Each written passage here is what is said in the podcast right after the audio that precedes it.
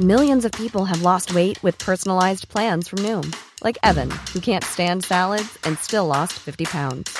Salads, generally, for most people, are the easy button, right? For me, that wasn't an option.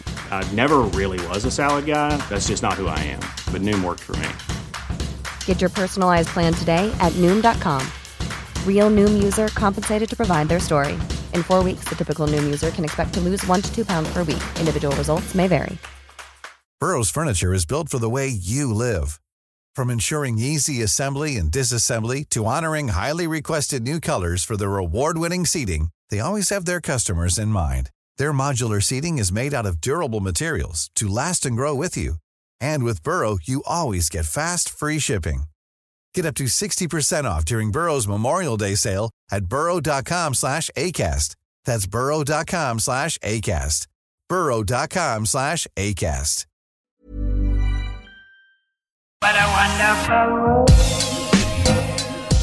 Nå er det tre uker igjen cirka til eh, vi skal ut og gå på ski. Vi skal gå veldig langt på ski. Og for de som har hørt på eh, to episoder siden, så har de fått med seg at eh, Øystein, Lars og jeg vi skal gå 18 mil på ski. Eh, og nå har panikken tatt oss helt igjen, så vi må ha hjelp. Må ikke det, Lars?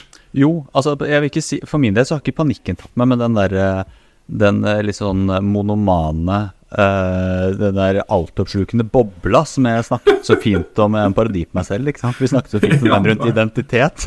Og så snakket jeg litt sånn ah, nei, Det var noe jeg ikke før, jeg kommer litt forbi det nå. Nå er jeg midt inni den bobla, så jeg er åpenbart ikke ferdig med det. Og den bobla jeg er i nå, det er stakebobla, for nå har jeg bestemt meg for å stake de 180 km. Um, så jeg er, det, det, er kanskje panikk eh, som ligger til bunn, men det jeg føler på, er bare et enormt engasjement, og all tankekraft går rundt dette, til dette prosjektet her. Til eh, alle de rundt meg, eller i hvert fall kona mi sin frustrasjon. ja, for det, for det er jo Ok, la oss, la oss jeg, jeg, må rette litt på meg sjøl. Okay, panikken har inntruffet meg, og, og, bobla, den har du tredd inn i. Yes. Men uansett, vi trenger hjelp. Vi trenger det gjør vi. Ingen tvil. Redde, ja, for vi trenger hjelp for å redde meg, og så trenger vi hjelp for å optimalisere deg. Og da, da har vi rett og slett søkt hjelp hos det mennesket i kan jeg si Nord-Europa, men kanskje Europa også, vet ikke, som har flest studiepoeng. Og, og, veldig mange av de studiepoengene de er innenfor fysisk aktivitet. Innenfor fysisk fostring, rett og slett. Og han her traff jeg da jeg studerte på idrettshøyskolen, jeg også. og vi vi fant hverandre ganske fort. Men det husker jeg veldig godt. Jeg bare tar en liten sånn digresjon, men en liten digresjon på Mats Johansen, som vi har på besøk nå. Det er jo det at eh, jeg traff jo han ved at vi ikke dro på fest. Alle andre dro på fest, men Mats og jeg vi dro ikke på fest. Og så starten så lurte jeg litt på hva Mats egentlig dreiv med, for alle hadde jo altså fortid i en idrett. Men han kunne fortelle at han hadde spilt en god del Counter-Strike. Men så hadde han etter det så hadde han dratt på en del, som han sa, en del turer med broren min en del lange turer med broren min. Og så tenkte jeg hva i all verden for en slags raring er det som, som går på idrettshøyskolen for at han har vært en del på tur med broren sin? Så gikk jeg på Facebook og så ville jeg se litt, og så så jeg at de turene han hadde vært på broren sin, det var sånne to ukers multisport-helvete-events der han gikk liksom 30 timer på rulleski, og så svømte han i et halvt døgn, og, så, og det bare fortsatte og fortsatte og fortsatte. Og så husker jeg spurte har du gjort Norseman. Ja, på en måte. Jeg bakte det inn i en sånn toukerstur. Uh, da, da gjorde vi Norseman som en sånn bit av den turen. Så vi har rett og slett fått med oss uh, eier av coachingselskapet Robust, Mats Johansen. Hjertelig velkommen. Takk for det. Var det lang intro? Nei, altså den er jo altfor kort. Jeg har så mye mer å si. men jeg må kanskje slippe Mats til nå. Men jeg tenker det, vi kunne satt av en episode bare til å introdusere Mats. Men han har jo også, jeg må bare legge til noe, for det er jo også utallige studiepoeng innen ernæring, som vi også skal få litt hjelp til i dag. I tillegg så tror jeg han må være den i, i kanskje Nord-Europa som har tilbakelagt flest høydemeter. og kanskje også flest skritt, både innenfor utallige idretter. Altså det er jo virkelig guruen innenfor lange distanser, det her, tenker jeg. Så det er en grunn til at det er akkurat deg vi får inn nå, Mats. Sånn. Det er En kort, kort intro, vil jeg si. Når det er intro av en mann som har gjort mye langt. Ja. Eh, har, har slitt litt. Du har slitt litt. Men Mats, vi skal jo dukke inn i en del spørsmål som vi har tenkt litt på. Noen er litt sånn generelle. Eh, og noen Jeg tenker vi avslutter med de som er, eh, ja, for min del, litt sånn panikkprega, for å prøve å få redda stumpa. Men eh, Men Lars, du, du hadde jo herda ned noen herda ned. Du hadde skrevet ned noen, noen spørsmål her. Har du lyst til å fyre av gårde, eller? Ja, jeg kan godt uh, gjøre det. Uh, jeg baker det inn i litt uh, snikskryt, fordi det er det jeg er opptatt av om dagen. Alle, alle mine forberedelser til dette pendlerrennet. Så jeg Kan jeg bare følge opp med en ting der, Lars? Ja, ja, jeg gjør det, Mats. For det er ikke så lenge siden vi var på tur, og så fant du ut at det, det går jo an å skjule alle øktene sine fra Strava, så, så du slipper å få likes og eh, kommentarer på alle, alle øktene dine, og så sender du aldri noe tilbake, og du sjekker aldri hva folk gir av kommentarer. Og så plutselig så ser jeg at nå er Lars tilbake på Strava. Eh, og, og eneste han gjør, er jo å logge. Så det er apropos det med bobla, da. Så nå ser vi at Lars går syvmilsturer og er, er i gang igjen. Så velkommen tilbake på Strava. Tusen takk. Det var, liten, eh, det var egentlig Øystein som fikk meg til å sjekke Stravaen min igjen. Så nå er øktene ute på Strava igjen. Og det jeg har gjort i løpet av de to siste ukene Det er, har gått to renn på to uker, og det er eh, siste renn er skirenn, altså. Det er over ti år siden. Mange, jeg husker ikke når det var engang. Så det er lenge sia. Så meldte jeg på skirenn forrige helg, Vesterylen. Der gikk jeg med klister og smurte meg helt bort. Eh, Det var vanskelig føre. Etter det bestemte jeg meg for jeg er ferdig med feste under skiene. Nå skal jeg kun stake. Så jeg meldte meg da på tilfeldigvis, det var på fredag kveld, etter den hardeste stakeøkten jeg har hatt noe i hele mitt liv, kom hjem ganske sliten, og så ringer broren min, Eivind. Ja, du, det er med å gå Musia, Musialonga i morgen. Det er 70 km. 70 runder på 1 km på mu museejordet på Bygdøy. Altså, det, er så mye, det, er så, det er så mye som er rart her, Lars. Bare, hva du sa nå? Du, har, du gikk på helskirennet. Musialonga, altså inspirert av Marcialonga selvfølgelig, på da museejordet utenfor Folkemuseet på Bygdøy. Og, og det um, Og det tenkte jeg Først så tenkte jeg nei, så tenkte jeg Nei, men jeg skal jo uansett Jeg trenger jo å gå litt langt, jeg trenger å få en lang stakeøkt. Ok, jeg blir med, får se hvordan dette går. Og så ordner Eivind, han bare fikser alt, så det var jo ganske luksus. Han fikser ski til meg på Milslukeren, jeg får låne noen ski av dem, de prepper dem, gjør dem klare. Og jeg møter opp på lørdagen og har jo bare en helt rå dag. Eh, 70 runder rundt der. Første gang i mitt liv at jeg faktisk har glidd fra folk. Altså, det er helt Jeg har alltid hengt etter i nedoverbakkene måtte dra på i motbakkene. Da var det motsatt. Jeg dro fra og skulle hvile meg i oppoverbakkene. Det var de Det var ikke lange opp, oppoverbakker der, altså. Men det, jeg fikk bare en det, jeg, er helt, jeg er helt frelst nå av staking. Så alt jeg tenker på, er hvordan Eh, Hva må jeg gjøre for å eh, klare å stake 180 km, som heller ikke er helt flatt? Og det andre jeg lurer på, er for jeg spurte Og det her, det her spørsmålet til deg kommer inn, Mats. Jeg spurte Eivind dagen før. Du, er det Nå har jeg hatt min hardeste stakeøkt, og så følger jeg opp med en mye hardere stakeøkt, som er det lengste jeg har staka noen gang, 70 km, dagen etter. Er det her lurt? Og Eivind ikke sant, han er beinhard fyr, så han bare ja, ja, du må få litt herd. Skal ikke du gå 180 km? Du må få herd! Herd! så tenker jeg ok, er det, er det noe i det her? Er det, er det sånn at jeg får herd, hva nå det enn betyr?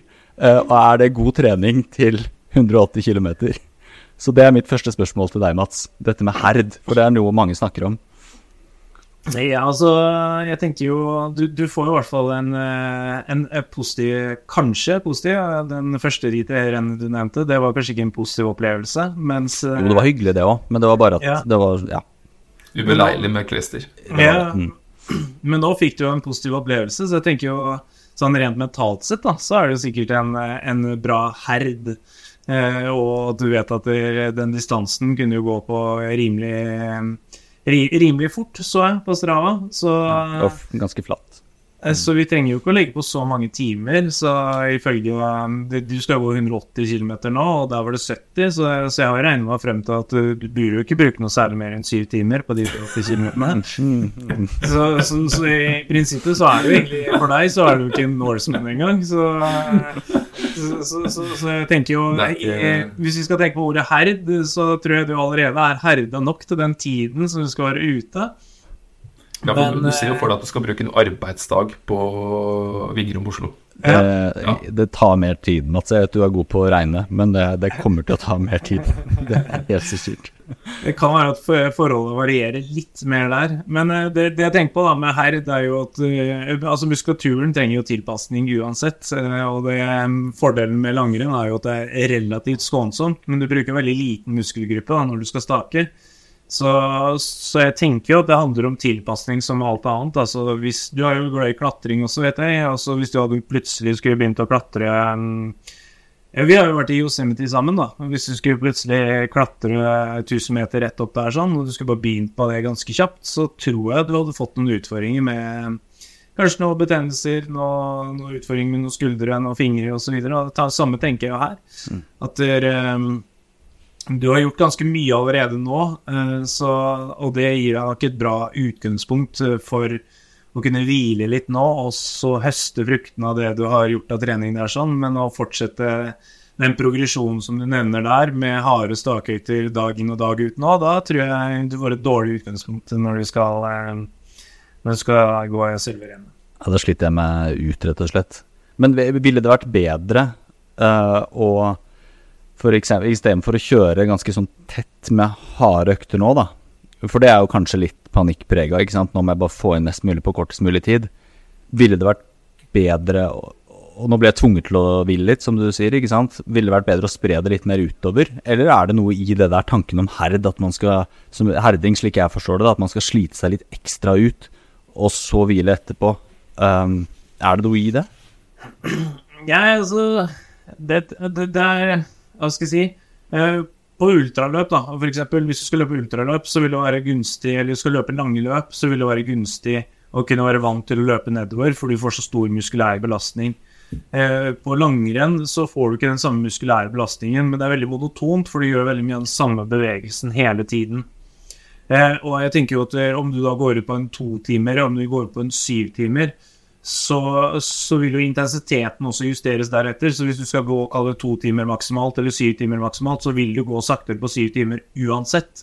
Eh, og da er det jo til slutt eh, andre faktorer som kommer til å spille inn. Eh, selvfølgelig, det muskulære vil jo spille inn, men motivasjon vil jo spille inn, ernæring vil jo spille inn. Eh, føre vil jo spille inn. Om du da må drive og variere stilart, eller om du må drive og variere tempo fordi det plutselig går oppover, så må du bruke mye mer muskulatur så går det kanskje lange partier nedover som du får hvile. Så, så, så jeg tenker jo u, uansett, da, så er det jo det handler om å vende muskulaturen din til å kunne tåle den distansen. Men det er veldig vanskelig å trene seg opp til å tåle den distansen på en veldig kort periode. Og når du i utgangspunktet Du begynner jo ikke fra scratch, det er jo ikke sånn at du ikke har trent før. Men, eh, men, også få noen lange økter for å virkelig kjenne på hvordan, hvordan, med, hvordan skal jeg tilpasse med energiinntak. Mm. Får jeg en nedtur underveis? Får jeg plutselig nå følelse av at nå har jeg ikke det, Nå har jeg så høy grad av muskulær tretthet at den intensiteten her kan jeg ikke opprettholde. Så tenker jeg at mange av de øktene handler mer om å gi deg erfaring. Fordi treningseffekten av å gå en syvtimersøkt er, tror jeg, mye jeg, jeg, tror ikke den gir deg noe særlig bedre effekt om du f.eks. har gått, gått en to- eller tretimersøkt. Så ja, for, det, ja. ja, for det, det, er bare et spørsmål på det, Mats. For, at, eh, for min del så har jo Eh, med litt sånn sykdom hjemme og sånn, så har det på en måte ikke vært mulig å få de lange turene. Eh, egentlig før den helga har jeg fått et par turer på to og en halv time. Men spørsmålet da er altså For meg så har det ofte vært da nå å kanskje gå en liten skitur på tre kvarter med staking eh, på morgenen før jobb. Og så har det vært å sykle til jobb eh, eller være på hjemmekontor. Og så har det vært å, å få en skitur på kanskje time, halvannen på kvelden. Eh, altså Hvis du skal sammenligne en sånn to-tre timers tur med de to turene splitta opp, da, hvis du tenker sånn over lang tid. Eh, for du nevner liksom det der å, å, ha en lang økt for å på en måte få erfaring og sånn, men hvis du tenker bare treningsutbytte Hvis jeg nå hadde sagt at jeg hadde fått til tre trekvartersturer trekvarterstur i løpet av en dag, da, morgen, lunsj og kveld, hvordan vil, det, altså, hvordan vil treningsutbyttet av det være inn mot et langt løp kontra det å få en, en ren 2,5-3 timers? Nei, altså en, Man må se på to, treningsbelastningen her. og Treningsbelastningen styres jo gjerne av totalvolum og intensitet, og så frekvensen på øktene. Hvor hyppig du repeterer treningsøkter. Og, og det er jo mange måter å få volum på. Eh, og, så, så, det vil jo være totalvolum. Og så er det ikke sånn at kroppen regulerer seg etter at ja, en uke, det, det er det kroppen beregner volum for. og det, det, Da teller vi antall timer i løpet av en uke, og så sier kroppen at nå skal du få så god effekt. Den vet ikke om det er gått en uke eller om det har gått en måned. Så jeg tenker jo kontinuiteten her er jo helt essensiell, så at du får regelmessig belastning og stimuli over tid.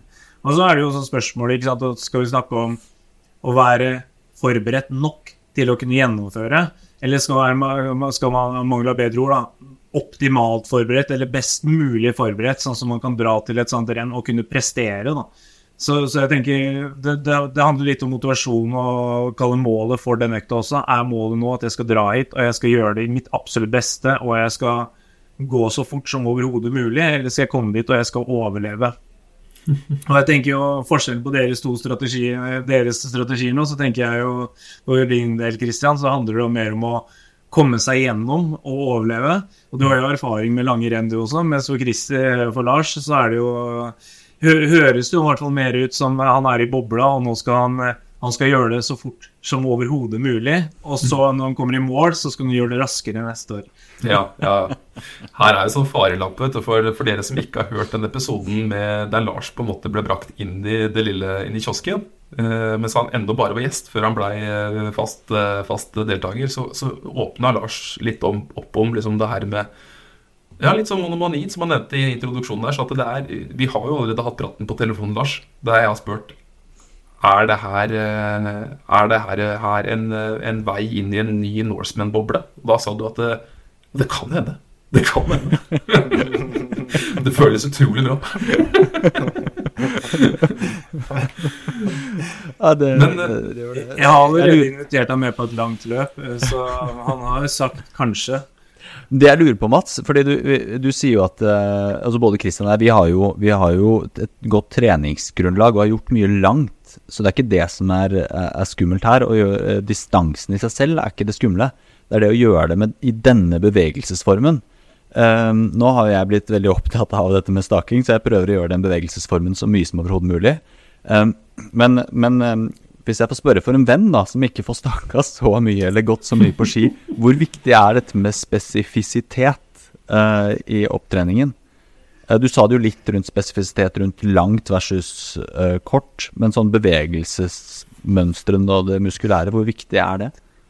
Altså, det som er spesielt med langrenn, tenker jeg, da, er jo at veldig mange går jo litt i løpet av dagen. altså De bruker store muskelgrupper i beina, og man bruker de regelmessig.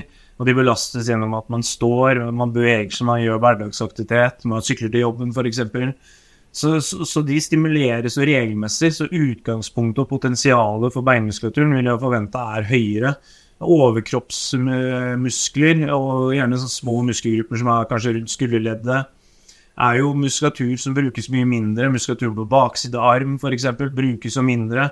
Eh, så, så, så, det er jo da muskulatur som stimuleres lite over tid. Så jeg tenker jo at akkurat i det, ja, akkurat i det tilfellet her sånn, så vil det være veldig viktig med den spesifisiteten, og spesielt hvis du skal kun stake, og du da stiller med blanke ski, for da har du jo egentlig allerede satt føringer på hvordan dette her kommer til å bli, og hvordan du skal bevege deg.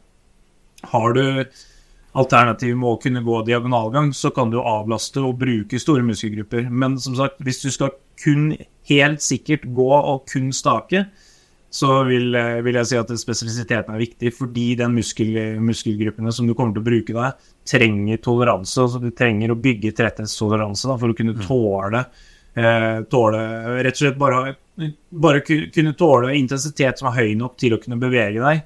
Og så skal du kunne repetere det såpass mange at den evnen til å utvikle kraft i stavene ikke går såpass ned at du til slutt sliter med å flytte deg fremover, og at bakkene som kommer da, vil ta så sinnssykt lang tid at du, ja, da, da, blir det tilbake til å overleve igjen. Du kommer helt sikkert igjennom. Altså, jeg har hatt dårlig utgangspunkt til mange lange løp eh, og har gått langt på rulleski eh, med dårlige forutsetninger. Så, så, så, så, du kan komme igjennom likevel, men det blir jo ikke noen morsom opplevelse. Nei, da blir det som vi nevnte i en episode for var det forrige. At vi har, vi har, vi har mål om å komme i mål og bli bøyd, ikke knekt.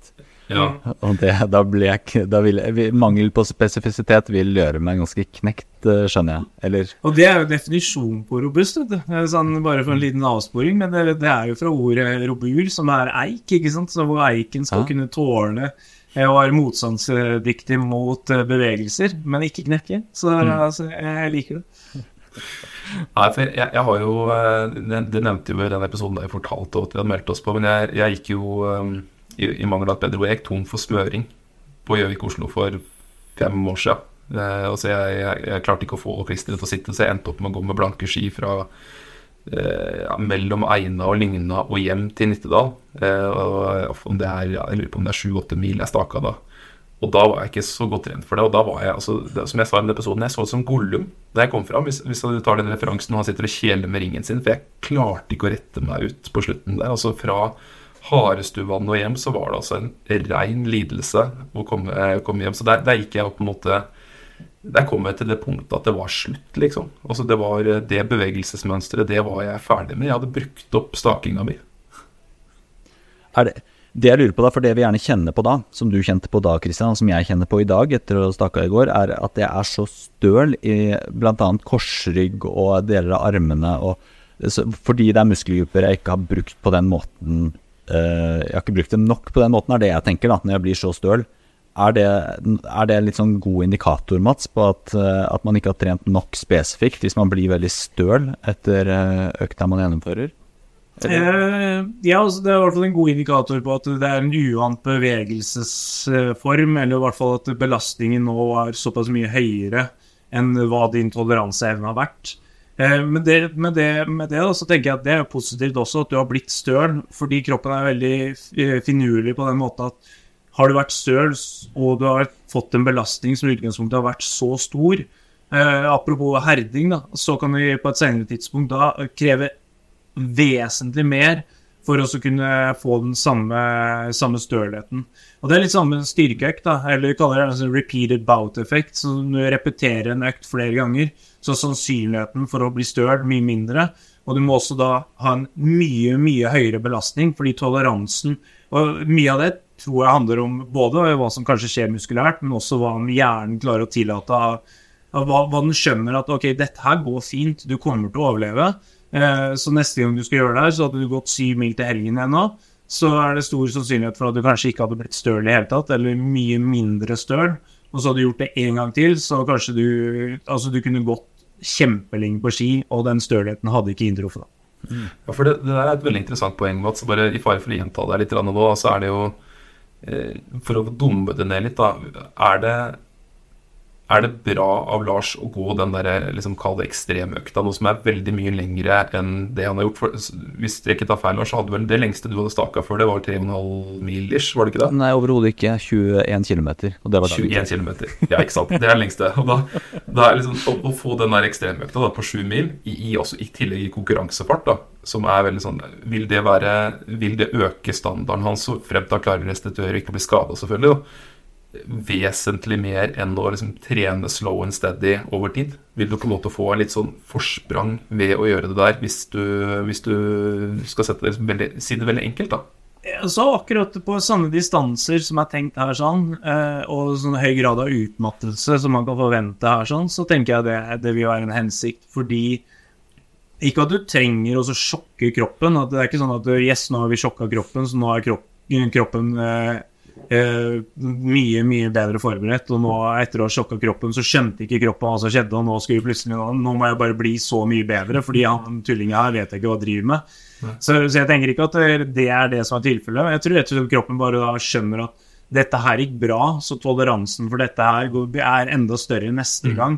Så du hever rett og slett bare terskelen for hva som skal til for at kroppen skal kunne si ifra at Oi, dette her var litt uvant. Her var du kanskje litt eh, hissig på grøten, så neste gang så bør du, eh, bør du roe litt ned.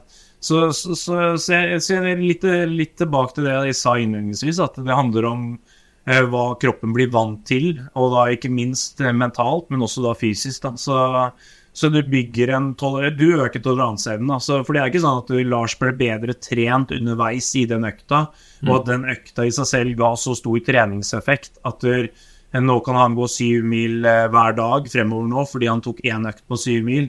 Det, det, som sagt, jeg tenker det handler mye mer om toleransen. Så, så lenge han hviler godt nok nå over en kort periode, så vil utgangspunktet hans være bedre. Og da får han effekt av den treningsøkta også. Mens altså i dag, som han merker selv, så er han dårligere trent. Ja, ja det, men det var veldig oppklarende for meg, Mats. For det, det er litt på uh, At det, det jeg nå har gjort, da som jeg egentlig bare gjorde fordi det, tilfeldighetene la seg sånn. Men det viser seg at det kanskje ikke var så dumt som, som jeg var redd for da jeg takka ja til eh, det løpet. Men det er gitt fordi jeg skal gå så langt som jeg nå har meldt meg på, men gitt at jeg skulle gått en kortere distanse, f.eks. Birken, hvis det var målet, så er det ikke sikkert det jeg, det jeg gjorde der hadde vært uh, så lurt. Skjønner jeg riktig da? Altså, Hva er forskjellen? Hvordan trener man forskjellig på veldig lang distanse versus litt kortere? Er egentlig det Eh, ja. generelle spørsmålet. Ja, altså, godt, eh, godt poeng. Eh, Jeg, jeg tenkte jo at der, eh, hvis du skal gå Birken, da, så vil jeg jo forvente at intensiteten din vil være høyere enn om du går 180 km. Eh, så, så, så det å kunne ha en økt som er tett opp mot konkurransevarighet, vil, jeg tenke er hensiktsmessig likevel. Så, så jeg vil ikke tro at du hadde hatt en negativ effekt av den økta her, sånn, fordi da har du allerede gått med en intensitet som er tett opp mot konkurranseintensiteten som har vært i Birken, fordi totalvarigheten kanskje er innenfor mye den samme, samme tiden. Så, så, så, så det, spesielt hvis du skulle stake Birken, fordi, fordi du hadde brukt muskulaturen på akkurat samme måte, og du har brukt um, den, den muskulaturen som du kanskje ikke har trent i så stor grad, eller påvirka i så stor grad tidligere. Eh, At det kunne hatt en positiv effekt, det, det tenker jeg absolutt. Men skulle du gått f.eks. et eh, renn som varer én til to timer, så vil du definitivt ikke trenge de øktene. Da er den kontinuiteten og den regelmessige treninga. Men, men for å si det sånn, da, at hvis, hvis, hvis du skulle gjort det løpet, eller det rennet her enda lenger, da, og så skulle du si at nå skal du gå um, 500 km, så er det ikke sånn at jo da hadde hatt enda bedre effekt hvis du hadde gått du hadde gått en 15-timers tur, og så skulle du gått en 25-timers tur, og så skulle du også videre. Det er sånn, På et eller annet tidspunkt så handler det om at du får et stimuli som er såpass stort at kroppen reagerer på det. Eh, og så eh, skal du da ekstremt mye mer til at, eh, for at kroppen skal reagere på samme måte neste gang. Og det er litt sånn som hvis du hadde gått ned og kjørt knebøy i kjelleren nå, da. og du ikke har kjørt knebøy på evigheter Kristian trener ikke så mye styrke. Så, så hvis Kristian hadde begynt å kjøre noe utfall eller noe knebøy nå, eh, så hadde han vært kjempestøl. Men det er ikke fordi han er dårlig trent, eller fordi, han, eh, fordi muskulaturen hans ikke tåler det. Det er rett og slett bare fordi det er en veldig uvant bevegelse og et stort bevegelseutslag som han ikke er vant til. Men eh, han kunne da lagt på mye mer enn neste gang og fortsatt gjennomført knebøy og ikke hatt noe som helst trøbbel med det. Så jeg tenker ja, og Det er ikke da fordi Christian plutselig trente den ene økta, så ble han kjempemye sterkere til neste økt. Så, så, så, det, så det jeg skal frem til her, da, at du, du trenger ikke Du trenger ikke å overdrive eh, volumet eh, i forberedelsene hvis du skal gå enda lenger, og jo lengre det blir, jo, så, jo større volum. Og jeg tenker at Det viktigste er at kroppen får et stimuli som den ikke er vant til. Og når den først har fått det, så, så skjønner Da må kroppen reagere og tilpasse seg på en sånn måte at neste gang så vet jeg at dette går bra, eh, høy belastning over tid går fint. Så, så dette her takler, takler Lars enda bedre neste gang. For jeg bare sånn liten sånn digresjon på det. Eh, apropos, det var jo da vi holdt på med Norseman, Lars og jeg, så, så kjørte jeg Birken på sykkel et par ganger. Sånn, og det var vel sånn en måned etterpå, eller, to-tre uker etterpå. Og da husker jeg at da, da brukte jeg liksom tida etter, Birk, etter Norseman til å, å sykle bare terreng. Eh, mye kortøkter og sånn. Og liksom, da jeg begynte å føle meg overpå, så begynte jeg å sykle litt raske intervaller, sånn bare for å få en litt fart i kroppen. Eh, og få litt terreng, da. Og ikke minst, for da hadde jo bare sittet på temposykkelen. Da husker jeg at jeg kom til start på Birken, og så tenkte jeg at eh, tre timer konkurranse, det er, det er faktisk ikke noe stress, fordi at jeg er vant til å konkurrere i tid. Og den selvtilliten der, bare sånn, det blir jo bare på, bare på det mentale, men den selvtilliten på at jeg kan kjøre med ganske høy intensitet, som du sier, eh, over veldig mye lengre distanser enn det her, den, den var faktisk litt sånn deilig å ha. Og bare det der å ha vært i nærheten også på en måte av altså Nå blir det jo ikke der, det er jo under halvparten av løpet, da, men at Lars nå på en måte har staka så lenge Jeg tenker at det gir jo han en sånn mental edge på meg, i hvert fall, da, som enn så lenge har hatt den lengste stakøkta mi, og jeg hadde han til ikke sant? Så at øh, Og lengste Det var en har vært Donald. eh, Nå vet jeg ikke om, om du var ferdig med resonnementet, men det var, det var en under en kompis av deg, faktisk, under rennet på lørdag, som, eh, som kom opp på meg og sa du, jeg hørte på podkasten, og den beefen dere har om å, om å være best på staking, den tror, jeg du er, den tror jeg du kommer til å vinne ganske lett nå. Det er øh, til Gunnar Brøttun øh, Den der gjorde vondt, altså. Gjorde det veldig godt for meg. Men jeg, jeg tenker jo Det du beskriver der, at jeg tror mange underdriver da, det viktigheten av det mentale. Altså den, den, den selvtilliten av mestringstroen man har. Eh, for det er jo etter hvert så kan du du kan jo gjøre distansene så lange at det er umulig å gjennomføre det i trening. Så, Så, så det, ikke, det er ikke konkurranseaspekt noe mer, fordi distansen er så lang at det handler ikke om at du skal konkurrere, altså fordi du vet ikke om det er realistisk å gjennomføre. Fordi det er så langt, eh, så mye lengre enn det du har gjort noensinne før. Så du kan, du gå ut og eksempel Jeg sier du skal gå ut og løpe en times tur, da. Så kan tenke at en dag så føles det kjempetungt, og så skal du løpe et løp som varer kanskje i 200 timer, da. Så du skal ut og løpe i 200 timer. Det, det føles uoverkommelig, da, for det, det, det, det føles Differansen fra hva du har gjort i trening til det du skal gjøre Kall det konkurranse, da, men det, er, det blir jo en konkurranse med deg selv i prinsippet. Så, så, så er differansen så enormt stor, da. Eh, og jeg tenker jo for din del, da, hvis du da er ute og går en time på ski, eh, og du er vant til å gå en time på ski, så vil du jo med stor sannsynlighet få mindre og mindre effekt av de øktene, fordi det er, du har, du har begrensa på ditt volum. altså Kroppen begynner å kjenne til det treningsvolumet du er vant til. Eh, og så er det sånn, ja, Du kan tvike intensiteten, og så kan du øke intensiteten på enkeltøkter. Problemet er at hvis du begynner å gjøre det på alle øktene, så blir jo kanskje intensiteten så høy at totalbelastningen øker så mye at du, du stiller litt mer sliten til hver eneste, treningsøkt, for du har ikke klart å hente deg inn. Og da blir jo det eh, Hvis vi skal snakke om forberedelser, da, så blir jo det mot sin hensikt, fordi du da vil stille dårligere forberedt. Selv om du har gjort mer trening, og du har trent hardere enn du noen gang har gjort, så er du faktisk dårligere forberedt eh, til, eh, til rennet, fordi du kommer ikke dit eh, uthvilt, og muskulaturen er ikke uthvilt. Så, um, så, så, så, jeg tenker, det, det handler uansett om en totalbalanse her, da, men også ha noen sånne enkeltøkter som kaller sjokke kroppen, eller herder. Eh, så, vil jeg heller si at det gir deg en, et perspektiv da, på hva, hva er mulig, hva er oppnåelig. Dette er ikke fint, jeg kunne gått lengre nå. Eh, og så bare sånn, ja, ok, ja, men da vet jeg det til neste gang. Kanskje man går gjennom noen mentale strategier. Så hvordan, nå var det litt tungt, ja, hva gjør jeg da? Nå, hvordan fungerte ernæring? Hvor mye spiste jeg? Hva drakk jeg? Så, så man bygger så mye referanse, eller bygger så mye erfaring da, på sånne økter. Og det er det jeg tenker er definitivt det viktigste. For det er sånn, for eksempel skal du løpe en maraton, så er det sånn, du må ikke løpe en maraton i trening for å løpe en bra maraton. Altså, jeg har jobbet med mange utøvere som, som skal løpe sin første maraton, og det er ikke sånn at jo, da må vi løpe minst fire maraton i trening fordi du skal være forberedt til maraton. Spør meg om maraton, Mats. Mm, det, du hadde ikke løpt så mange maraton, så Hadde ikke gjort det. Og der, og der er vi igjen inn på spesifisitet. Altså, du er, du er, jeg syns du er, du er et godt eksempel på Kristian, at du er generelt helt latterlig god form. Du har trent så utrolig mye forskjellig. Du har et veldig godt uh, oksygenopptak. Du, er, du blir raskt god på alle utholdenhetsidretter. Men der jeg, de få gangene jeg faktisk klarer å slå deg, det er når Det tror jeg det er akkurat det her med spesifisitet. Ja, For det er når jeg virkelig går inn i bobla og jobber skikkelig med en ting, enten det er triatlon eller eh, nå staking eller løping, da klarer jeg å slå deg. Men når vi bare møter opp sånn litt sånn Nå skal vi bare gjøre det, gå sånn som Gjøvik Oslo i fjor, hvor bare, ingen av oss har tre, trent spesielt mye til det, da tar du meg hver bidige gang.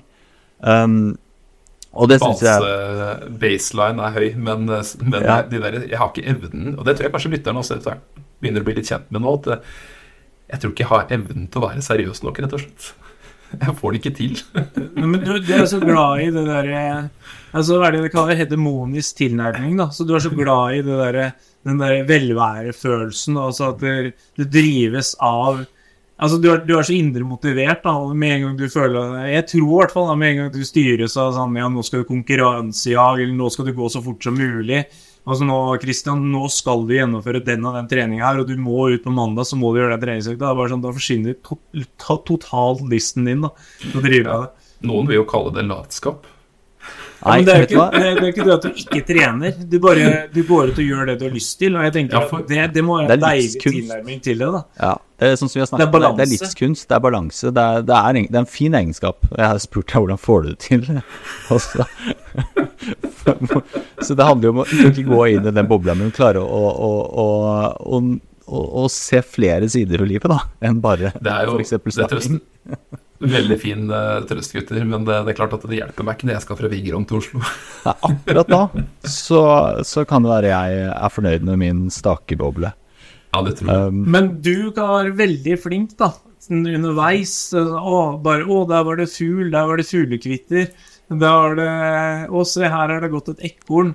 Så, så kan- kan- kanskje du kan klare å se sånne ting, da, som eh, Lars i bobla si. Bare når slimet henger ut av bunnen, og har kasta opp for tredje gang, ikke sant. Så bare sånn Fader, jeg klarer ikke å holde 2.45-fart her nå. Så bare sånn Håper ikke Christian går og tar meg igjen nå. Det, Mens jeg går bak og, og ser på tiurspor og, og filosoferer over hverdagen min. Du, det er ikke tvil om at du får ganske mange muligheter underveis der da, til å spørre om hva er det du driver med. Det, det er helt klart. Og det er som Lars sa så fint i den episoden der vi snakka om at vi meldte meldt oss på at et sånt løp det er som, eh, det er som et liv i miniatyr. Det, det byr på opp- og nedturer og, og de største gleder og de dypeste daler. Så, um, men, men eh, vi kommer litt tilbake til næring, som vi skal snakke om. Men nå, nå er det litt sånn igjen, det er tre uker igjen. Til, eh, til vi skal gå rennet. Eh, og Lars han, han tipper jeg vet godt hva han skal gjøre, for han er i bobla. Men jeg, jeg trenger hjelp, Mats. Eh, hva, fortell meg nå. Du har vært treneren min før. Du er først og fremst venn. Det hender jo at du tiltaler oss som, som utøvere, men vi er jo først og fremst venner. Hva, trener Mats, skal jeg gjøre de dagene som er igjen til den 24.? Det er 20 dager igjen. Er bare sånn morsomt, fordi Lars, når han ringer meg, så står det fortsatt 'utøver triatlon'.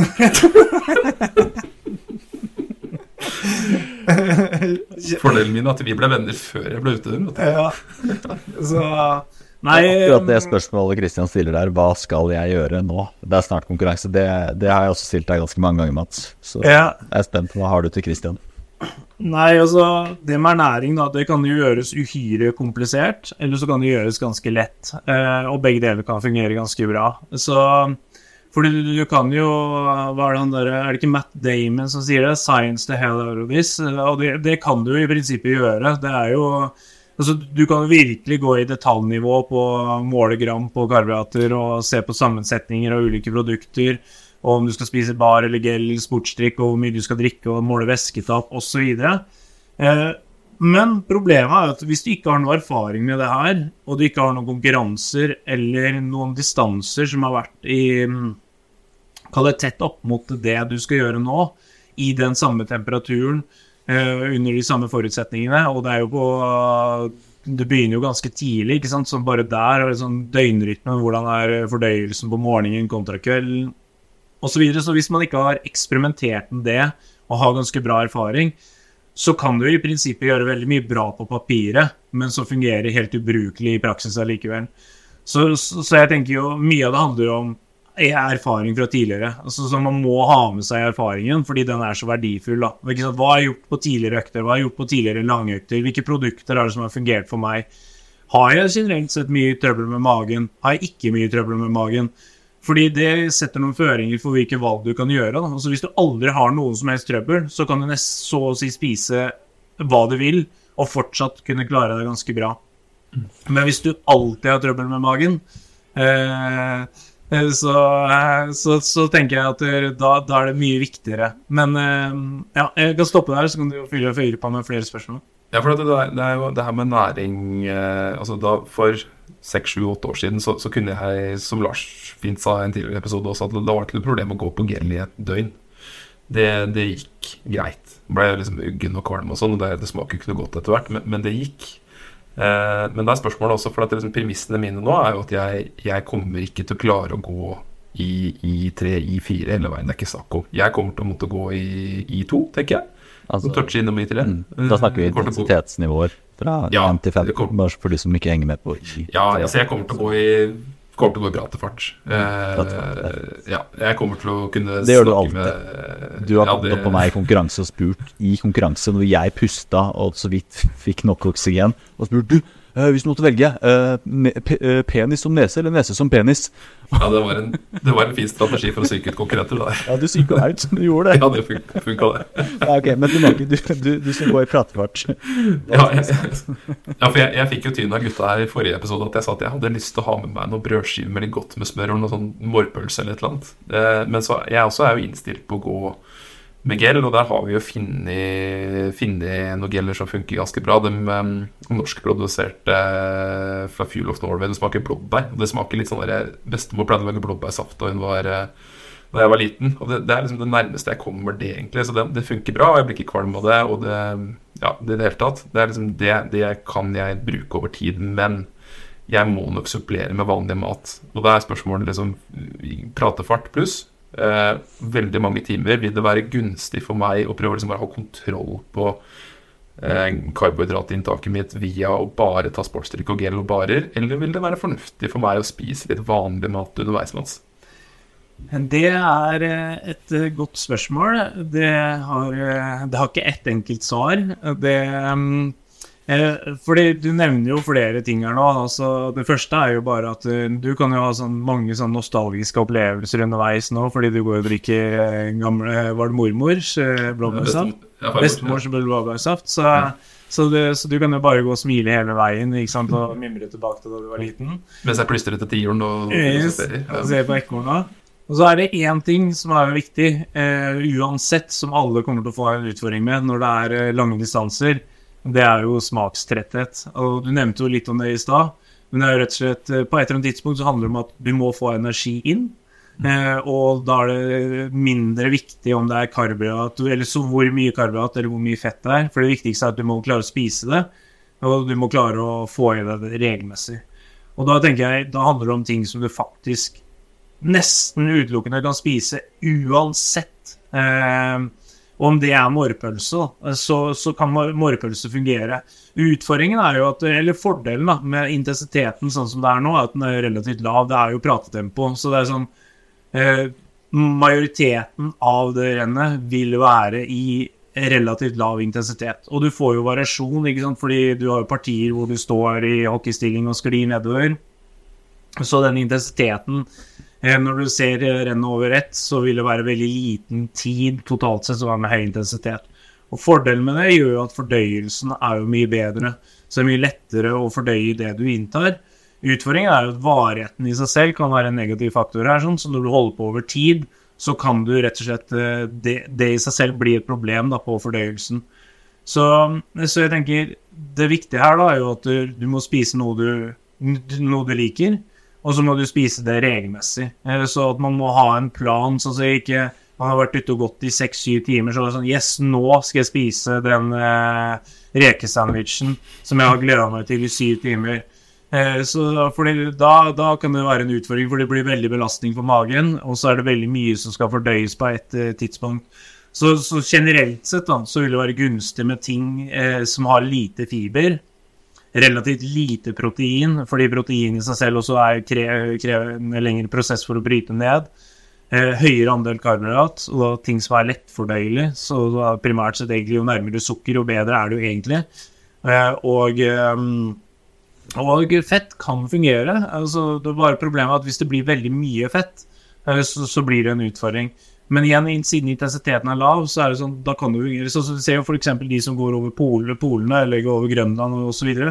De har jo majoriteten av mål, mye måltene deres er jo satt sammen av fett. Og det handler mye om vekt også, ikke sant? for du skal ha med deg det her. Så du skal ha det på, på kroppen eller i en sekk. Så, så, du er avhengig av å transportere det. Så hvis alt skal være væskebasert, så kanskje fryser det, ikke sant. Så har du da 50 gel, da, eh, fordi du skal ha 3 gel i timen. Så, så, er plutselig etter fire timer så har det vært ti minus, og så er eh, majoriteten av gellene frosset. Så er det sånn, det er jo likegyldig hvor mange gell du har med deg, for du får ikke spist det likevel. Eh, så da er kanskje bar et bra alternativ, da, fordi det går kanskje an å spise lenger. Du kan ha det i munnen mens, du, mens det varmes opp, så kan du tygge det. Mm. Men da er jo morrpølse lettere å spise. Da. Så, så jeg tenker det, det, det, det, er ikke et enkelt svar her, sånn, men eh, man må, burde ikke overdrive det. Eh, og Veldig mye av det man gjør med treninga, er jo å bli bedre til å bruke energien sin effektivt. Så jo bedre form man er, jo bedre utgangspunkt har man til å bruke fett når man er ute og går, så man sparer karbohydratlagrene lenger. Og når intensiteten ikke er høy, og hvis du ikke da går med perioder med veldig høy intensitet, så vil du mest sannsynlig ikke få så stort problem med den karbohydratmengden. Men man ser jo at skal du prestere best mulig, så er jo det definitivt, eh, eller veldig, veldig viktig da, å få i seg nok.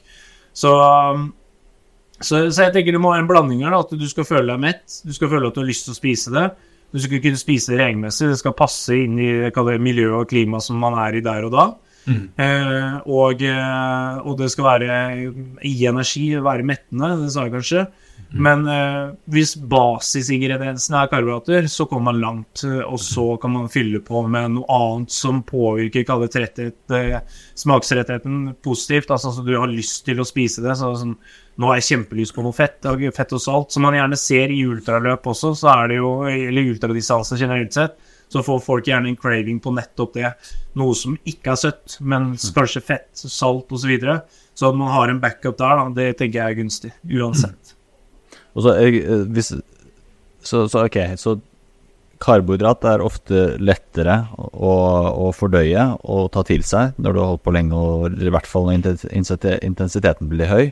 Når det er så lenge som det er, så kan det være fint å ha litt fett og, fett og salt i tillegg. Um, Og et sånn siste tips som du ikke nevnte, men det er vel kanskje det er noe du har sagt til meg mange ganger før, eh, er det her med at eller som egentlig du sier nå også, teste ut i noe lignende, en lignende økt. Hvis du har en langøkt i noenlunde lik intensitet, så test ut noe og se hva får du hva får du lyst på, hva funker av det jeg har med meg.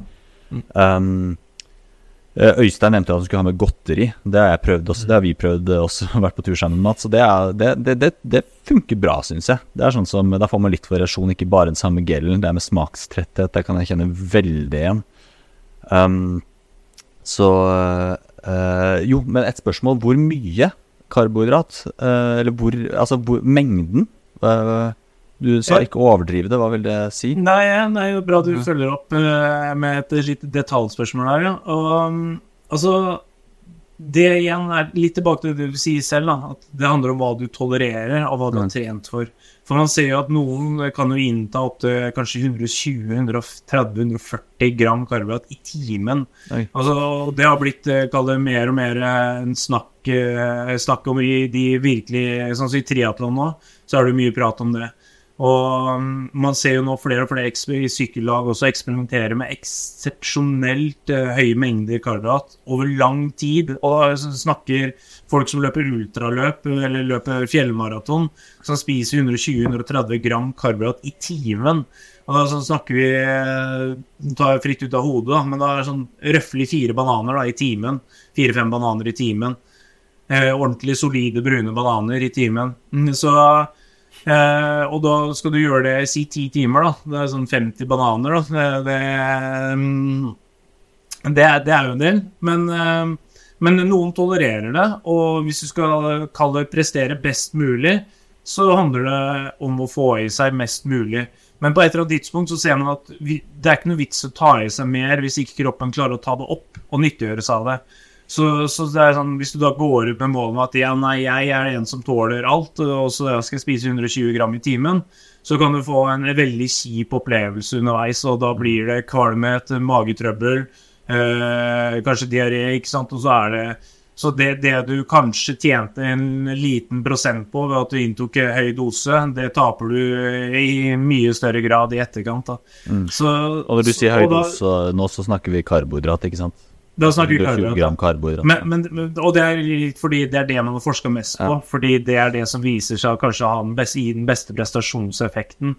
Mens med en gang man begynner å forske på sånn ultradistanse hvor ting varer lenge, så blir det mye mer variert, fordi man ser at det smakstrettet det er én ting. Den eh, der døgnrytmen din påvirker også toleransen for mat, hva du har lyst på. Eh, Så kanskje ikke sant, Du har kanskje generelt sett mer lyst på sukker og sjokolade på kvelden, da, men du har kanskje lyst på noe annet på morgenen. Og det, den, den forsvinner jo ikke nødvendigvis fordi du er ute og beveger deg. Og så kanskje du er ute om natten, da, brått så blir det noe helt noe annet, fordi du er ikke vant til å spise om natten. Så, så jeg tenker det er også en faktor. Og så problemet med det å være ute lenge, er at du frigjør noen stoffer som kan påvirke hjernen og se, sen, eh, områder i hjernen som gjør at du, du utvikler kvalme. Og det er veldig vanskelig å spise og drikke når du er kvalm. Og da er det sånn, ja ok, hva, hva faktisk funker da, når jeg er kvalm? Ja, så kanskje jeg da må gå og spise vingummi, eh, og så ha, ha vingummi litt liggende i munnen, og så så sluker det ikke, så da må jeg spise kanskje to vingummi i hver, hvert femte minutt, da, for det er det som må til for at jeg skal få i meg noe næring. Kanskje jeg må gå og sippe litt svak blandet sportsdrikk, og det er det som gjør at jeg får i meg noe næring. Og da ser man jo kanskje en lavere dose som kan være gunstig, er kanskje rundt si Klarer du å få i deg 40-50 gram karbohydrat i timen, så begynner det å bli et område hvor du med stor sannsynlighet kanskje får i deg nok allikevel, fordi intensiteten er såpass lav.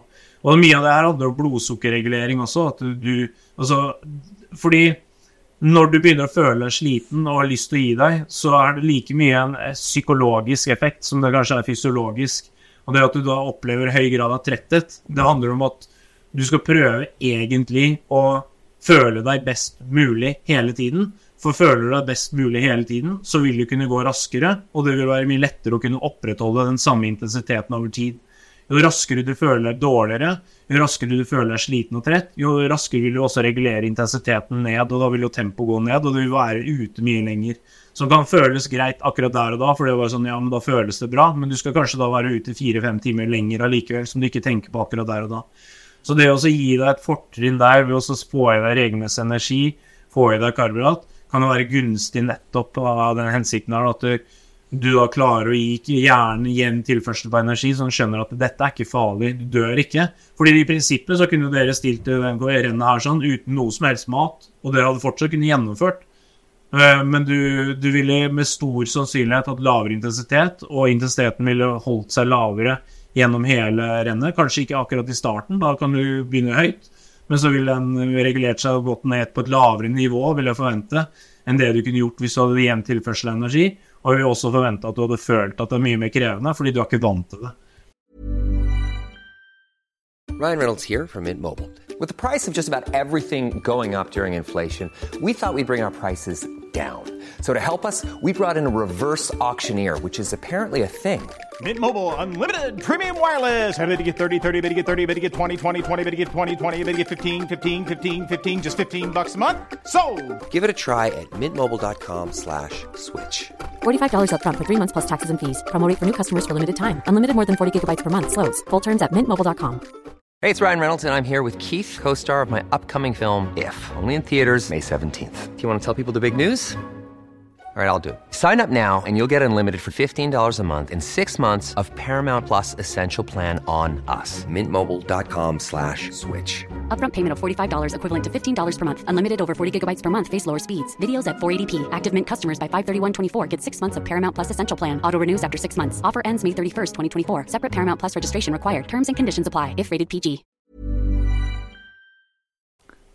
Jeg s- Det er skjæringspunktet dette her. Altså, det er jo liksom nok energi, men ikke for mye heller. Altså, det er jo men, men for å være Skjønner hvorfor du sier det sånn- er både enkelt og vanskelig det her, Mats. Det, Ja, og, og det er akkurat det. Det er, liksom, det er jo Det her er jo på en måte akademikeren som gir et svar, ikke sant. Men nå skal jeg prøve å være litt tabloid, da. Eh, hvis du skal For nå igjen, det er tre uker igjen. Eller er under tre uker. Eh, og jeg veit ikke hvor mye karbohydrat jeg tåler lenger. Jeg hadde en følelse på det før.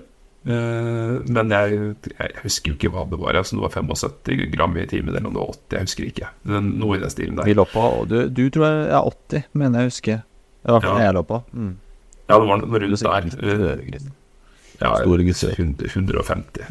men, eh, men er det noe, er det noe sånn, eh, noe sånn generell regel her, Mats? Sånn der type mann på så og så mange kilo tar opp så og så mye? Altså, Fins det noe sånn grov anbefaling? Nei, det, det som er så spennende her, da, at der, man ser jo ikke noe det, Man modifiserer ikke de anbefalingene og sier at der, en liten jente skal spise noe annet enn en stor mann.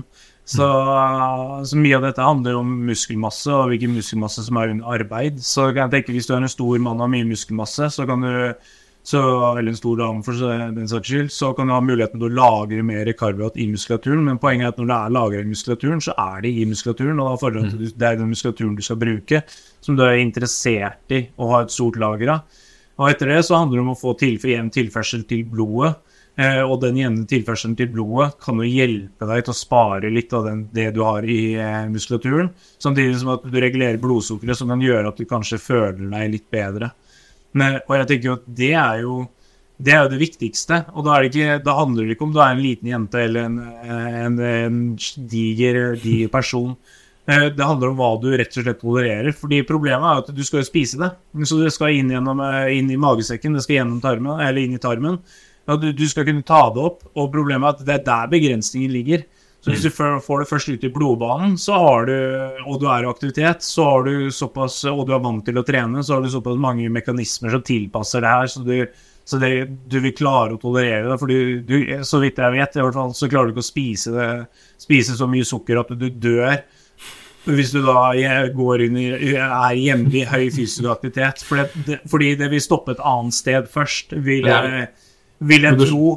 Eh, og da blir begrensningen mage, magetarm. Og da, hvis du da i utgangspunktet går og er kjempekvalm, uvel, kaster opp, eh, har diaré osv., så, så, så er det, ikke sånn, det er ikke det første du går og tenker på at ja, hvor skulle jeg spise Sa Mats at jeg skulle spise 60 gram, eller var det 70 gram? Eh, det, det har ingenting Det kommer en naturlig begrensning. Yes. Ja, jeg, det, er jo, det er jo klart at det er det, det er jo det jeg er redd for her. Jeg er ikke redd for å ta i meg for lite. Det, det er jeg ikke. Det er mer eh, den derre Jeg har ikke lyst til å være på et av disse strekkene, og de strekkene er ganske lange, som det ikke er folk, og som det ikke er noen bilvei, og som det ikke er noen ting. De er ganske lange, og hvis du går på en sånn diarésmell sånn litt langt ut i løpet, sånn mellom Lygna og Brovoll f.eks., da er det langt til hjelp, altså. Ja, nei, men jeg tenker jo at Altså, det er jo eh, Altså, det, poenget er at mange har jo klart seg med lange løp uten nesten noe som helst energi i hele tatt. Eh, Så, så det er jo ikke sånn det, det handler jo bare om hvor optimalt skal du prøve å gjøre det.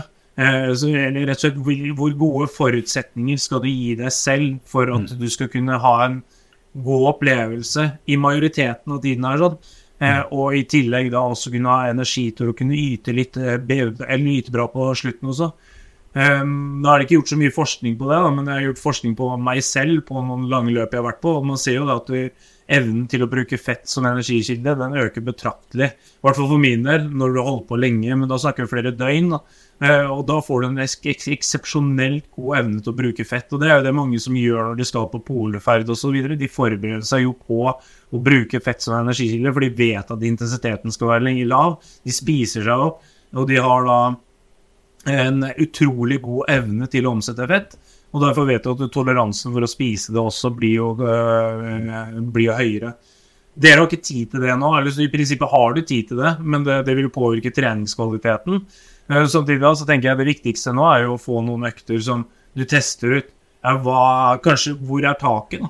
Altså Hvis jeg ligger på 80-90 gram, eh, og det, du begynner å føle deg uvel etter en time, så skjønner du allerede der at du, dette her skulle du da gjort i ganske mange timer til. Men så er det ikke sånn at du, hvis du da begynner å føle deg uvel, så er det sånn Ok, nå er det kjørt. Eh, Da, er det, da, da, da tenker jeg da har du ikke ligget på 80-90, da har du kanskje ligget på 180-190. Eh, og så har du bare dunka på med enorme mengder mat, og så tar det tid å fordøye det. Og så plutselig så får du en naturlig reaksjon av det. Så men hvis du da har vært forsiktig underveis, du har gjort det regelmessig, du har en grov idé på det jeg sier, du skal ha i deg 60 gram karbohydrater, eller du skal ha i deg to eller tre gel i timen, da. Eh, Så sånn, det er det du lager som baseline. Du lager en varsel på klokka di som sier fra hvert 20. minutt. Og da tenker jeg, da skal det mye til for at du plutselig får det sånn Oi, nå må jeg eh, Eller da må du gjøre som da, hva er det eller hva han heter, han eh. Mhm. Ja, han i skiklubben. Ja, han i skiklubben som, eh, som rett og slett bæsja på seg. Ja. Eh, Så, så jeg tenker eh, at du, eh, du, det, er, det, det, er, det er ikke sånn plutselig. Du vil jo merke etter hvert at det kommer et ubehag. Ja. Uh, og, og så samtidig igjen tilbake til at har du masse erfaring, så vil du jo vite eh, vite. For min del så har jo Lars vært med på noen eh, lange løpeturer med meg hvor eh, hvor, hvor det har blitt regelmessig stopp. Eh, og, og da er det jo ikke nødvendigvis fordi jeg har spist for mye karbohydrat, men da er det kanskje bare fordi jeg, det er toleransen for noe jeg har spist som ikke har vært helt bra. Da. Ja. Altså, du lider jo av det, det vi kaller det sånn ikke, ikke noe sånn spesifikk intoleranse, men bare generell intolerans. Du tåler ikke mat, du. Tåler ikke mat. Kjeks. Kjeks, alt. Så det, det er jo men, men eh, det, det er jo også et spørsmål da, for, for de da som tåler eh, Som har en ganske sart eh, mage, Uh, vurderingssystem. Uh, det gjelder deg, Mats. Og jeg har skjønt, uh, hvis jeg har skjønt riktig, at eh, Øystein også lider eh, litt av det. Stemmer det, Kristian? Du som har prata enda litt mer med Øystein? Jeg lurer på om Øystein eh, har noen matvarer han ikke er så veldig glad i. Jeg lurer på om det er noe egg og eh, nøtter blant annet, og det er jo i veldig mye barer i hvert fall. Eh, og så er det jo han, Jeg tror han så fint sa det i en episode der de intervjua Tor Gottaas, at han var bygget i kjeks. Det er en fin måte å si det på. Så Men- vi er litt like, er det du sier? Ja, det kjenner jeg ikke Kjenner jo mer til tarmsystemet ditt enn uh, Øystein sitt. Men Oh, det er ikke lov å si. Ja, nei, eh, Men eh, var det et spørsmål her? Ja, hva gjør du? Hva, altså, hvordan, hvis du, hva ville du spist, Mats? Du som eh, ikke er tåler all verdens på et sånt type løp, hva ville du fått i deg? Nå Hvis er du jo jeg gått eh, Du vurderer det til og med, hvis du blir med nå. Ja, du ha? ja. Du? Nå, nå, nå kjenner jo du meg ganske godt, da. Så jeg gjør jo sport i å gjøre alt det jeg ikke Alt det jeg ville anbefalt alle andre å ikke gjøre. Eh, Ok, fordi så da, la oss, la oss for da kan jeg si at eh, ikke det funker. Ja, okay. Men la oss si det faktisk La oss si du uh, vel, du, du skulle hjulpet deg selv, da. Som Ja. utøver. Hva ville du da? Jeg er litt dårlig på det òg, men jeg, jeg, nå har jeg ganske mye erfaring da, med hva som fungerer relativt greit. Jeg ville lagt meg på den nedre skalaen på karbohydratmengde. Eh, Og tatt eh, hensyn til at intensiteten er såpass lav at det skal være mulig å holde underveis. eh, Holde, holde det tempoet ganske lenge likevel. For det er sånn når du, Man kan se på sånne prestasjonskurver, da, så kan du plotte en 400 meter tid, og så kan du plotte en 1500, 3000 meter, 5000, 10 000 opp til maraton. Og det faller jo definitivt mest i hastighet fra 400 til 800 til 1500 til 3000. Mens når du begynner å komme opp på en eh, 10 km til en maraton, så faller eh, intensiteten mye mindre. Og når du begynner å gå fra en maraton til ultradistanser og snakke flere dager, så faller det enda mindre. Så, så, så jeg tenker at eh, du, du velger jo en intensitet som er såpass lav at du har ganske tro på at den intensiteten kan jeg holde ganske lenge. Veldig mange timer. Du vet ikke hvor lenge, men du vil tro på at dette her kan holde lenge.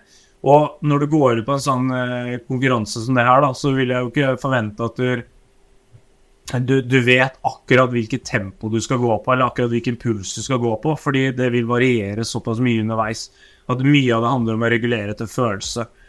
Og basert på det da, så har jeg tenkt at jeg skal ha en relativt grei følelse, og jeg skal kunne yte relativt godt, så jeg skal ha en relativt stabil intensitet.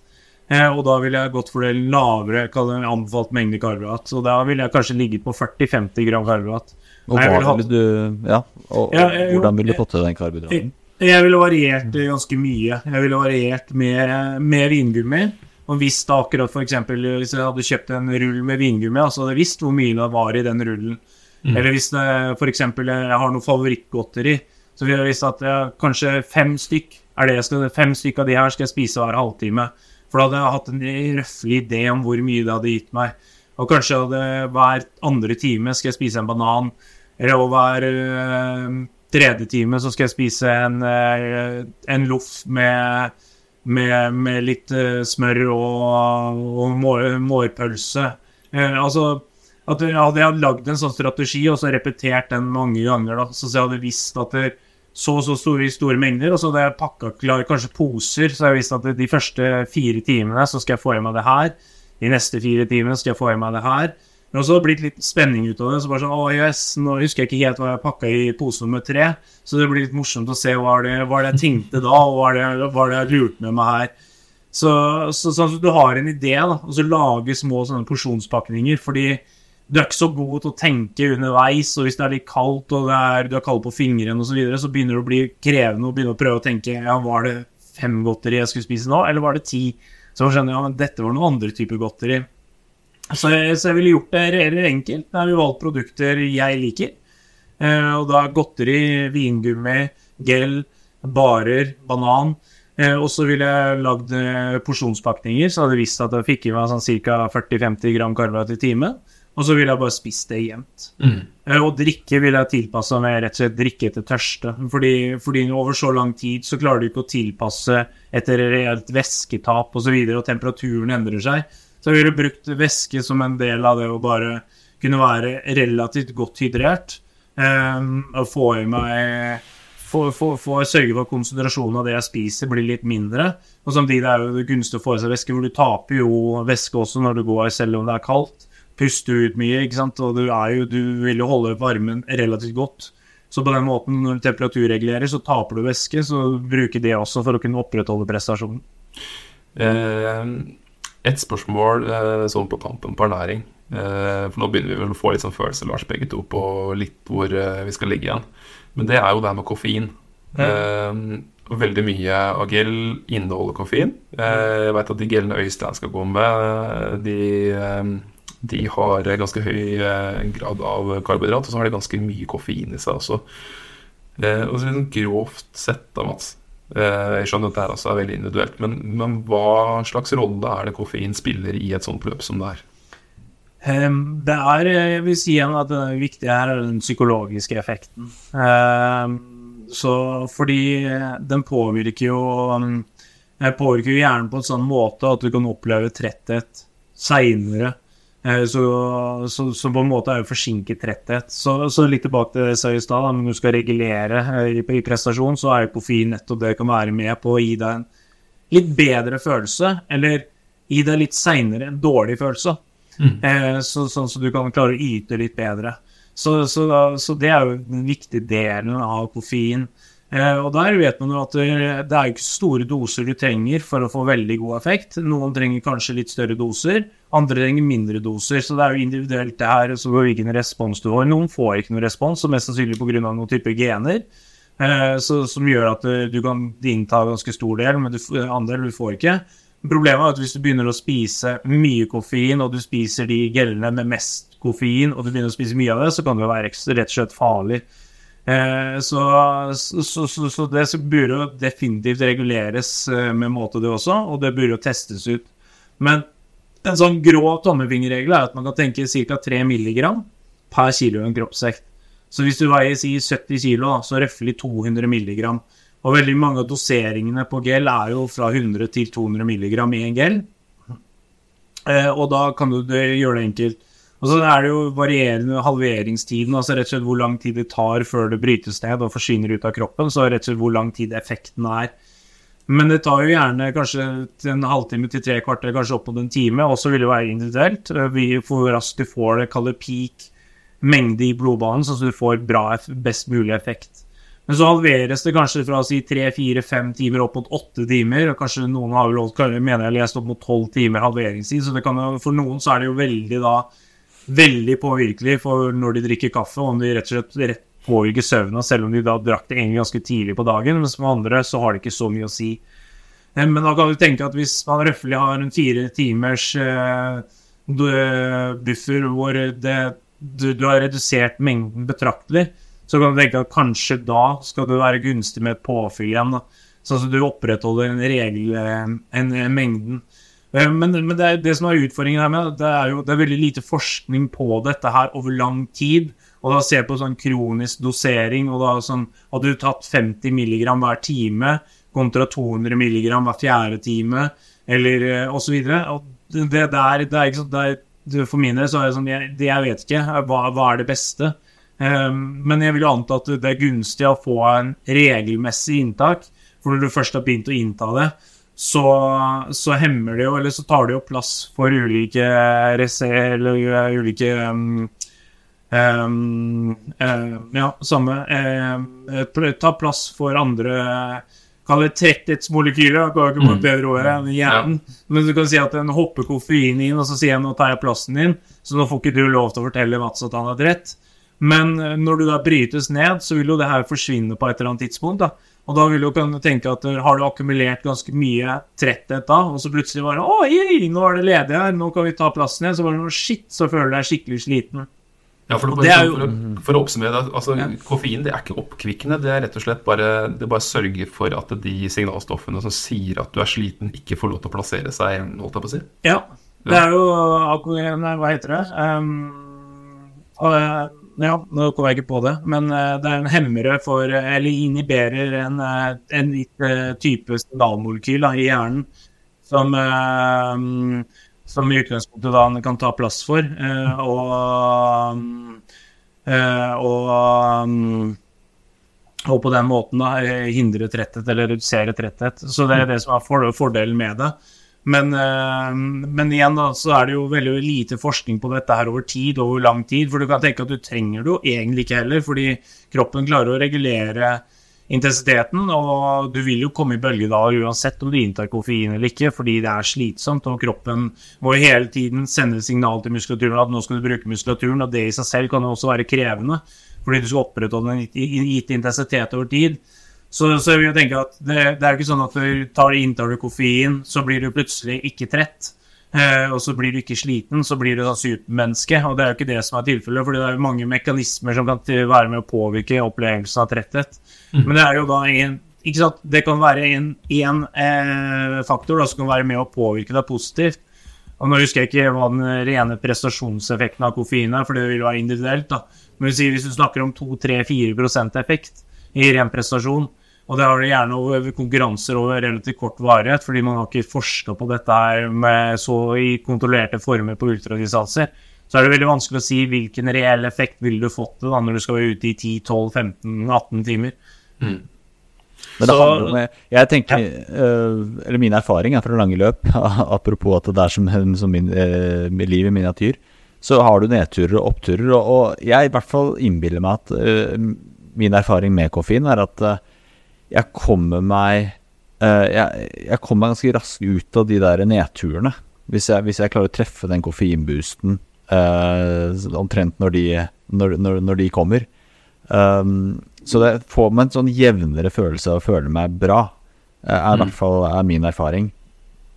Um, litt sånn ja, litt sånn litt altså, Jeg ja. skjønner jo at det er vanskelig å Jevne det ut litt, det er min erfaring. Ja. Det, blir, ja. det, blir, ikke så, det blir ikke så tydelige bølgedaler.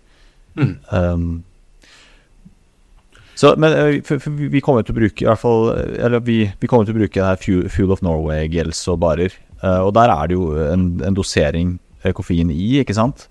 Um, og, og, den er egentlig ganske For de fleste så, så, er vel de doseringene som er ganske, ganske greie. Er det ikke det, Mats? Eller? Kanskje eh, nå, husker langt, ikke, nå husker jeg ikke akkurat hvor mye Fuel of Norway har i sine. og Jeg vil jo anta at det, i de fleste gjeldene så varierer det jo litt. Eh, så um, Um, så, jeg ville definitivt vært obs på det, uh, sånn at ikke man tar med seg bare koffeingels, mm. og så blir det plutselig ganske store doser mm. akkumulert på tid. Litt der også, mm. Ja, fordi jeg husker ikke det, jeg har jo skrevet eller satt og leste på det faktisk ikke for så lenge siden, hvor store doser er det som er anbefalt per, kalle, innenfor en per, per enkelt dose. Men så ser man da hva er det som er gunstig, kanskje over tid. Mm. Eh, og selvfølgelig, dette er en ekstremt tilfelle, da. men man sier jo kanskje at du ikke burde innta mer enn si 400-500 milligram koffein da, i løpet av et døgn hvis du er en, en normal voksen person, mener jeg å huske nå. Det er jo Helsedirektoratet som har kommet ut med det her. Men, eh, men, eh, så er det jo en liten dose som også viser seg å være ganske alvorlig, da, som kan gi eh, alvorlige konsekvenser. Det er godt tips. Vi holder oss mm. unna innenfor den innenfor ja. dosen. Det kan vi godt sjekke hele tiden. Ja, men, men, jeg husker ikke hvor mye det er snakk om. Da, da, da, snakker du ganske enorme doser. Altså, altså, da, da, snakker du om at du, du har kanskje drukket ren koffein, og så, og så fått i deg ren koffeinpulver, og så har du fått i deg noen sånne eh, ekstreme doser som er bare langt utover uh, Ja, det prøver vi å unngå. Ja. Så over, mer enn målet mitt er jo da med en halvtime trening hver dag, også Helsedirektoratet, og mindre enn var det ca. 500 gram. da det, det, kan vi sjekke. Kan vi? Ja. Jeg er vel tilbake igjen til gylne mellomvei, er det ikke det? 500 milligram ja, ikke prøv å overgjøre verken karbohydratinntaket eller koffeininntaket. Ja, nei, altså, jeg tok et kjapt, kjapt eh, sjekk her. Altså, tidlige symptomer på akutt forgiftning kan oppstå allerede ved 500-600 milligram, så jeg var, jeg var, litt slem. Jeg sa 400, men, uh, men Det er sikkert ikke farlig å holde seg under 400 heller. nei, nei, og så, ser man jo at dere Eh, når det er gjort forskning, da, når de ser at du begynner å innta over 6 mg koffein eh, per kilo kroppsvekt, så si, du begynner, si du veier 70 kg, da begynner du å innta 4, 450 mg koffein i enkeltdoser, mm. eh, så kan det med stor sannsynlighet gi en heller negativ effekt kontra en positiv effekt. Så, så, så det er en uh, tålegrense der som er uh, individuell. Men jeg vil jo definitivt ikke, ikke eh, pushe, pushe, den i det hele tatt. Så, men så husker jeg ikke hva da den toleransen er hvis du um, for hva som er dødelig. Men jeg, jeg mener å huske at den er ganske høy. Men, eh, men man, jeg sier, på problemet her er jo at det her er det såpass lang varighet at hvis du ikke tenker over det, så bare tar du med noen gel, og så er det 200 mg koffein i hver gel, og så spiser du tre sånne i timen, så plutselig bare, ah, ja, da er jeg 600 mg i timen, og så har vi vært ute i 18-20 timer, da, så har du fått i deg 1,2 eh, gram koffein. Eh, Det Christian hadde tålt det, men eh, det, ikke vi andre. Ja, men bra. Hvis vi skal oppsummere litt, da. Eh, sånn, eh, hvis vi bare liksom ser på det store bildet nå, så tenker jeg eh, Nå er det jo 20 dager igjen. Prøve å få inn altså for min del få inn litt mer spesifikk trening. Det, det skjønner jeg. Altså, jeg sykler til jobb, det er fint, men jeg, jeg har skjønt på dere gutter at spesifisitet er fint å, å tenke litt på. Eh, vi skal prøve å få inn noen økter Lars, der vi skal få testa ut litt næring også. Er ikke det lurt? Det tror jeg er veldig lurt. Det høres sånn ut. Mm. da, da får vi testa ut eh, både gels Jeg kommer til å gå for gels og barer, jeg. Fra de, Ja, ja. Fuel of Norway. Det smaker jo digg òg, så får litt variasjon. Så kommer jeg, jeg kommer bare til å kjøre på med det for å gjøre det enkelt. Men min Mm. mage vet jeg tåler det. Um, men um, litt sånn variasjon mellom det. Um, og så drikke etter, etter tørste. Egentlig veldig, det rådet satte jeg veldig pris på. Mm. Det er fort gjort å stoppe opp unødvendig mye å tisse hvis jeg har en fast uh, drikkeplan. Ja, og det, det tror jeg er veldig ja, Samme for meg, for jeg også hadde nok kanskje tenkt å ha mer av næringsinntaket mitt gjennom drikken. Så jeg tror jeg skal flytte det litt over på gel og bar, Mats. Så det- Og så er det ganske digg med vann. Det, det kom jeg på nå mens Mats prata. Mot slutten Ja. av sånne langløp, da pleier jeg ikke å ha lyst på noe søtt lenger. Da vil jeg ha vann ofte. Ja, og så tenker jeg også at hvis jeg går på en skikkelig smell, og jeg kommer til Harestua, da gjør jeg sånn som vi gjorde sist gang, eh, Lars. Da går jeg innom Rema, veldig fin Rema på Harestua, og så kjøper jeg meg det jeg har lyst på, rett og slett. Det går an. I verste fall. Det er én ting jeg er veldig spent på, gutter. Og det er jo at Du vet at jeg skal gå, og du skal gå, Lars. Men Mats, du har jo snust litt på om du skal bli med. Hva, har du noe svar til lytterne om du skal bli med på, eh, på langskirenn? Ehm, nei, altså det er jo vinterferien, da. Og med en stor flokk hjemme, så er det jo noen som gjerne forventer at du, du kanskje skulle vært hjemme i stedet. Um, men det er ikke sikkert vi drar på fjellet, og da er det, er, eh, altså, det, er- det er definitivt ikke utelukka. Det er jo Jeg kan jo da stille opp i baktroppen og ha, ha, ha en lang og, lang og tung og strevsom tur, fordi jeg kan skryte på meg null kilometer ski hittil i år. Eh, og eh, jeg fikk jo røftlig 100 km i hele fjor. Så, så, så utgangspunktet for å gå langt på ski, det er, det er fraværende. Eh, så, så, jeg trenger en sånn eh, sjokkøkt som eh, Lars hadde, for at eh, jeg skal bygge toleranse her. Så nei, men eh, det, det er jo det, er morsomt, det er morsomt bare for å gjøre det, eh, og bare ha det, kjenne litt på det over tid. Men eh, men eh, jeg, har ikke, jeg har ikke bestemt meg 100% Jeg har jo ikke ordentlig utstyr engang. Så, så da må jeg få noen til å smøre skia mine og, og gi, gi meg den samme servicen som Lars fikk, så jeg i hvert fall har muligheten til å stille. Eller så kommer jeg med sånn Fischer-ski kjøpt i eh, når jeg var i militæret for uh, røftlig 20 år siden, og eh, som har knekt trekjerne og aldri glida. Og, aldri, og har all mulig Altså, det sitter uansett, da, fordi det er all mulig smøring under. Vi fikser hvis, hvis du finner ut at du skal stille, Mats, så lover jeg deg, da, sk- da skal jeg sørge for at du har utstyr du i hvert fall kommer deg gjennom med. Okay, At du ja. gir fra noen, det kan jeg ikke det kan jeg love at du ikke gjør. For det har aldri jeg gjort før jeg fikk hjelp. Men jeg skal i hvert fall sørge for at det har festa oppover. Og det fine, fine er jo også at hvis du stiller, Mats, og du er i baktroppen, så får du også gleden av å feie med deg meg underveis på vei til Oslo. Så jeg, jeg gleder meg til at du kommer lundende bak deg med Sarpsborg-dialektet og plukker, deg, plukker meg med deg sånn et sted mellom Harestua og Oslo.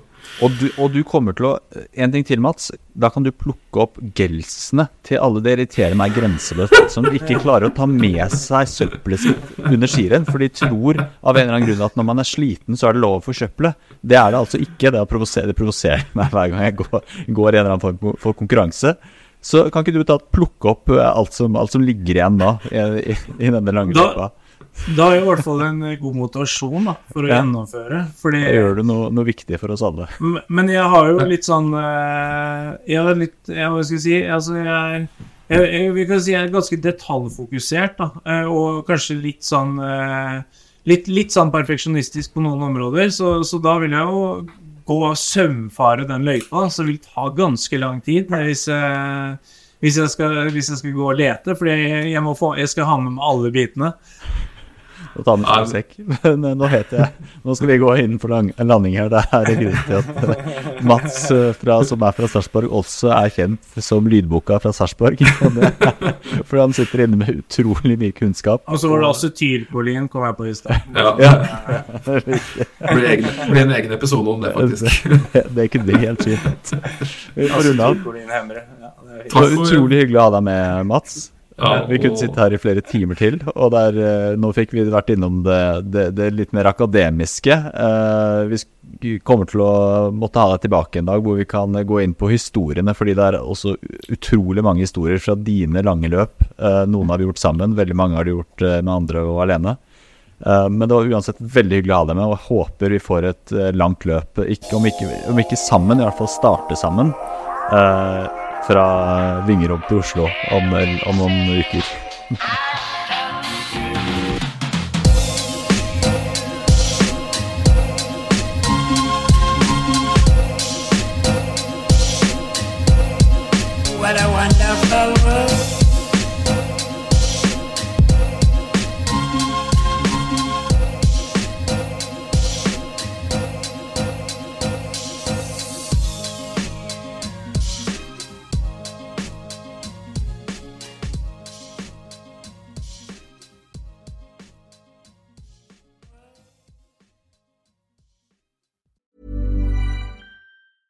Planning for your next trip?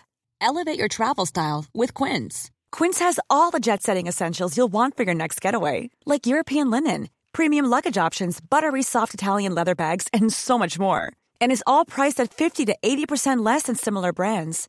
Plus, Quince only works with factories that use safe and ethical manufacturing practices. Pack your bags with high-quality essentials you'll be wearing for vacations to come with Quince. Go to quince.com slash pack for free shipping and 365-day returns. Imagine the softest sheets you've ever felt. Now imagine them getting even softer over time. That's what you'll feel with Bowl and Branch's organic cotton sheets. In a recent customer survey, 96% replied that Bowl and Branch sheets get softer with every wash. Start getting your best night's sleep in these sheets that get softer and softer for years to come. Try their sheets with a 30-night guarantee. Plus, get 15% off your first order at bowlandbranch.com. Code BUTTERY. Exclusions apply. See site for details.